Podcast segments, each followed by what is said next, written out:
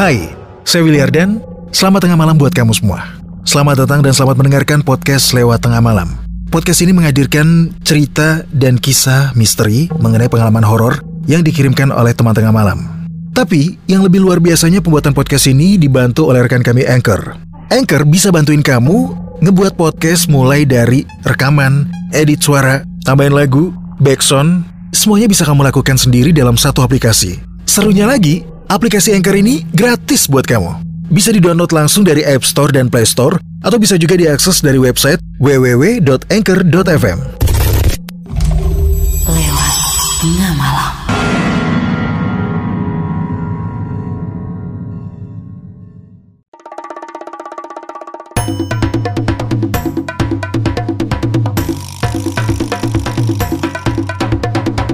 Kini Podcast Network.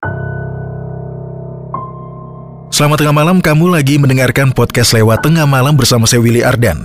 Banyak mitos beredar di kalangan para pendaki bahwa mendaki di saat sedang datang bulan atau haid, konon katanya tidak akan bisa sampai puncak. Ada juga yang bilang apabila pendaki wanita haid naik gunung, dia akan diikuti ataupun diganggu oleh para makhluk halus penunggu gunung. Bagaimana dengan teman tengah malam? Kamu percaya dengan mitos ini? Tapi sebelum dijawab, sebaiknya sama-sama kita dengarkan pengalaman pendakian Putri di Gunung Lawu dan harus mengalami kejadian mistis di saat dia sedang halangan. Simak kisahnya hanya di episode 171 Datang Bulan.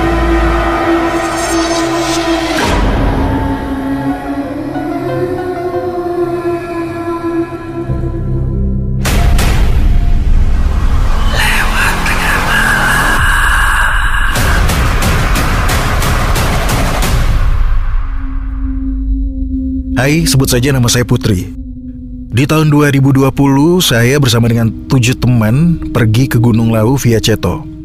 Rombongan kita terdiri dari lima laki-laki dan tiga perempuan termasuk saya. Di saat sebelum pendakian, rupanya ada yang sedang haid atau datang bulan. Yang saya dengar, mitosnya orang yang sedang haid nggak boleh naik gunung. Tapi saat saya bilang ke leader, leader tetap mengizinkan untuk kita berangkat. Awalnya saya sempat ragu untuk tetap ikut pendakian di rombongan itu. Tapi karena leader mengizinkan dan mengatakan itu semua akan baik-baik saja, saya pun tetap melanjutkan untuk ikut di rombongan ini melakukan pendakian di Gunung Lawu. Akhirnya kita berdelapan berangkat sekitar jam 10 pagi dari rumah. Sampai di base camp tepatnya jam 4 sore. Pendakian dimulai di jam 5 sore. Pas di perjalanan rasanya saya seperti ngerasa yang kena teror. Padahal teman saya yang haid, tapi nggak ada efek apa-apa. Tapi saya mulai merasakan seperti ada gangguan. Cerita ini real dari saya. Mungkin kalau ada pihak dari base camp mendengarkan cerita ini, mungkin juga masih ingat. Awal mula dari Candi Ceto, saya sudah ada yang nyiul di samping kiri saya. Kedengeran jelas suara siulannya. Tapi anehnya, saya nggak ngelihat siapa-siapa. Anehnya lagi, teman-teman malah nggak ada yang dengar. Di perjalanan sampai di pos 2, nggak ada kejadian apa-apa. Dan akhirnya rombongan kita ketemu dengan rombongan tiga orang di situ yang sedang istirahat bareng. Mereka ikut nimbrung dengan rombongan kita. Seperti biasa, para pendaki sambil menikmati kopi sambil bertukar cerita. Setelah suhu mulai terasa dingin, saya meminta izin untuk segera naik ke atas, soalnya takut kemalaman. Nah, pas trekking posisi saya berada di urutan terdepan. Perjalanan berjalan normal aja. Teman-teman yang lain mengikuti saya, walaupun saya berada di barisan terdepan. Saat itu saya tidak membawa senter. Teman yang di belakang yang membawa senter. Jadi perjalanan saya aman-aman aja. Nah, pas lagi di belokan pertama di pos 2, di jalur atas, ada laki-laki sedang melambaikan tangannya ke arah saya. Saat saya melihat sosok laki-laki yang sedang melambai itu, saya sempat membatin. Kok ada pendaki sendirian? Padahal rombongan yang naik cuma tiga rombongan. Satu rombongan sudah di atas, dan dua rombongan gabung jadi satu. Pendaki ini dari rombongan yang mana? Kok berani mendaki sendirian?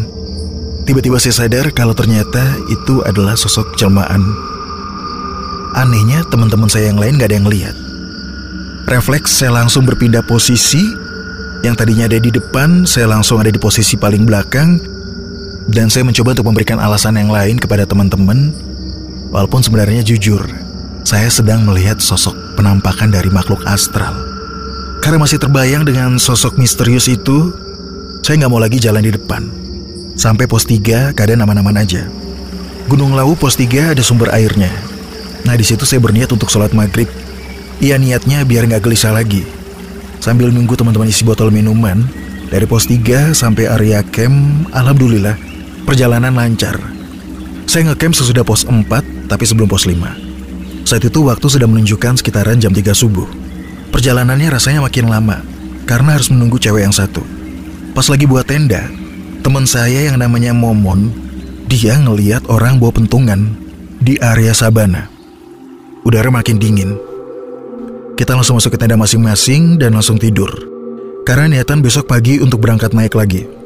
Pas tidur, AA Ulum sama Mahmud katanya mereka mendengar ada suara seperti sedang menggaruk-garuk tanah di bawah tenda yang ditidurin sama anak-anak cewek.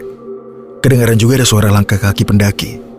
Padahal jelas-jelas posisi kita adalah rombongan pendaki terakhir yang sampai. Saya bangun sekitar jam 6 pagi, kemudian cuci muka, cuci tangan, dan pas saya lihat tangan saya, aneh. Seperti ada bekas jilatan anji-anji di kedua tangan saya. Kalau di Jawa Tengah, namanya anji-anji. Anji-anji seperti setan atau dedemit.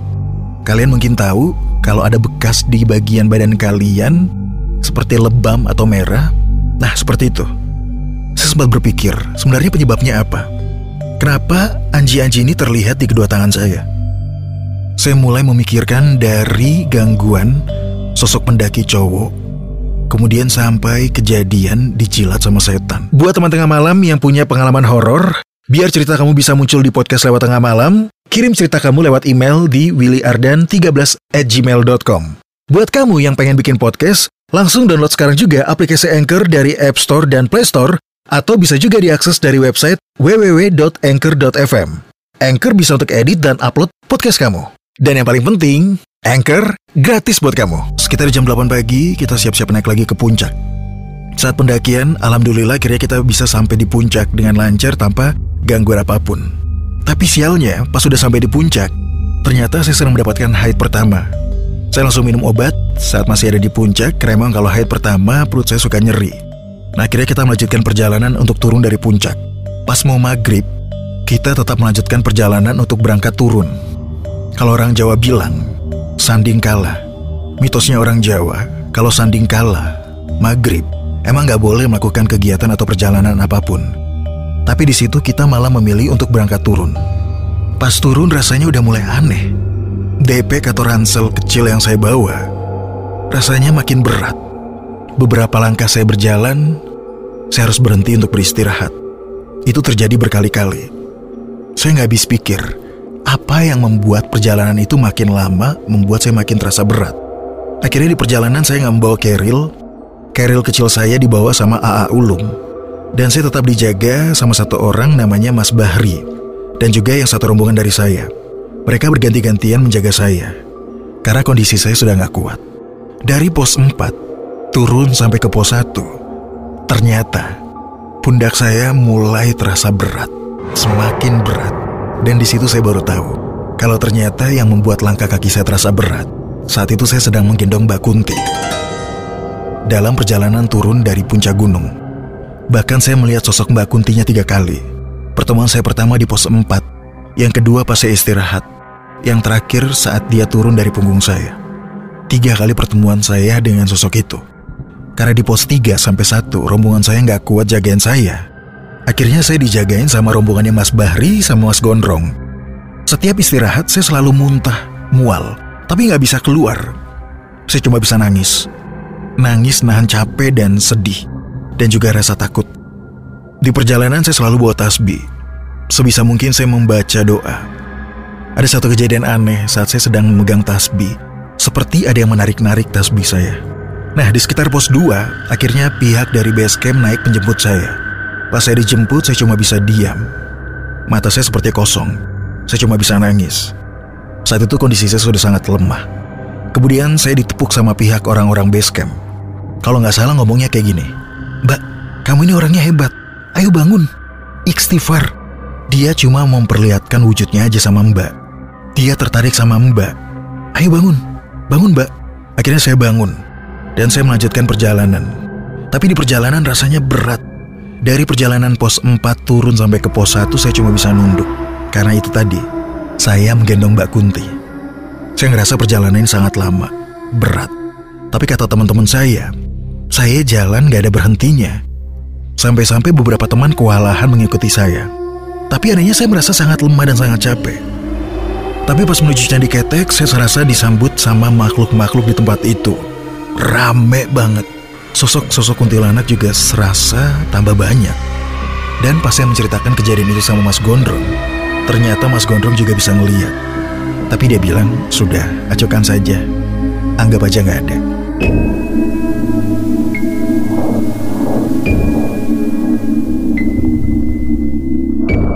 Sampai di base camp, perut saya masih tetap mual. Kepala pusing. Akhirnya saya muntah dan badan saya lega. Karena tiba-tiba saja saya sudah nggak berasa berat lagi. Sepertinya Mbak Kuntinya sudah keluar.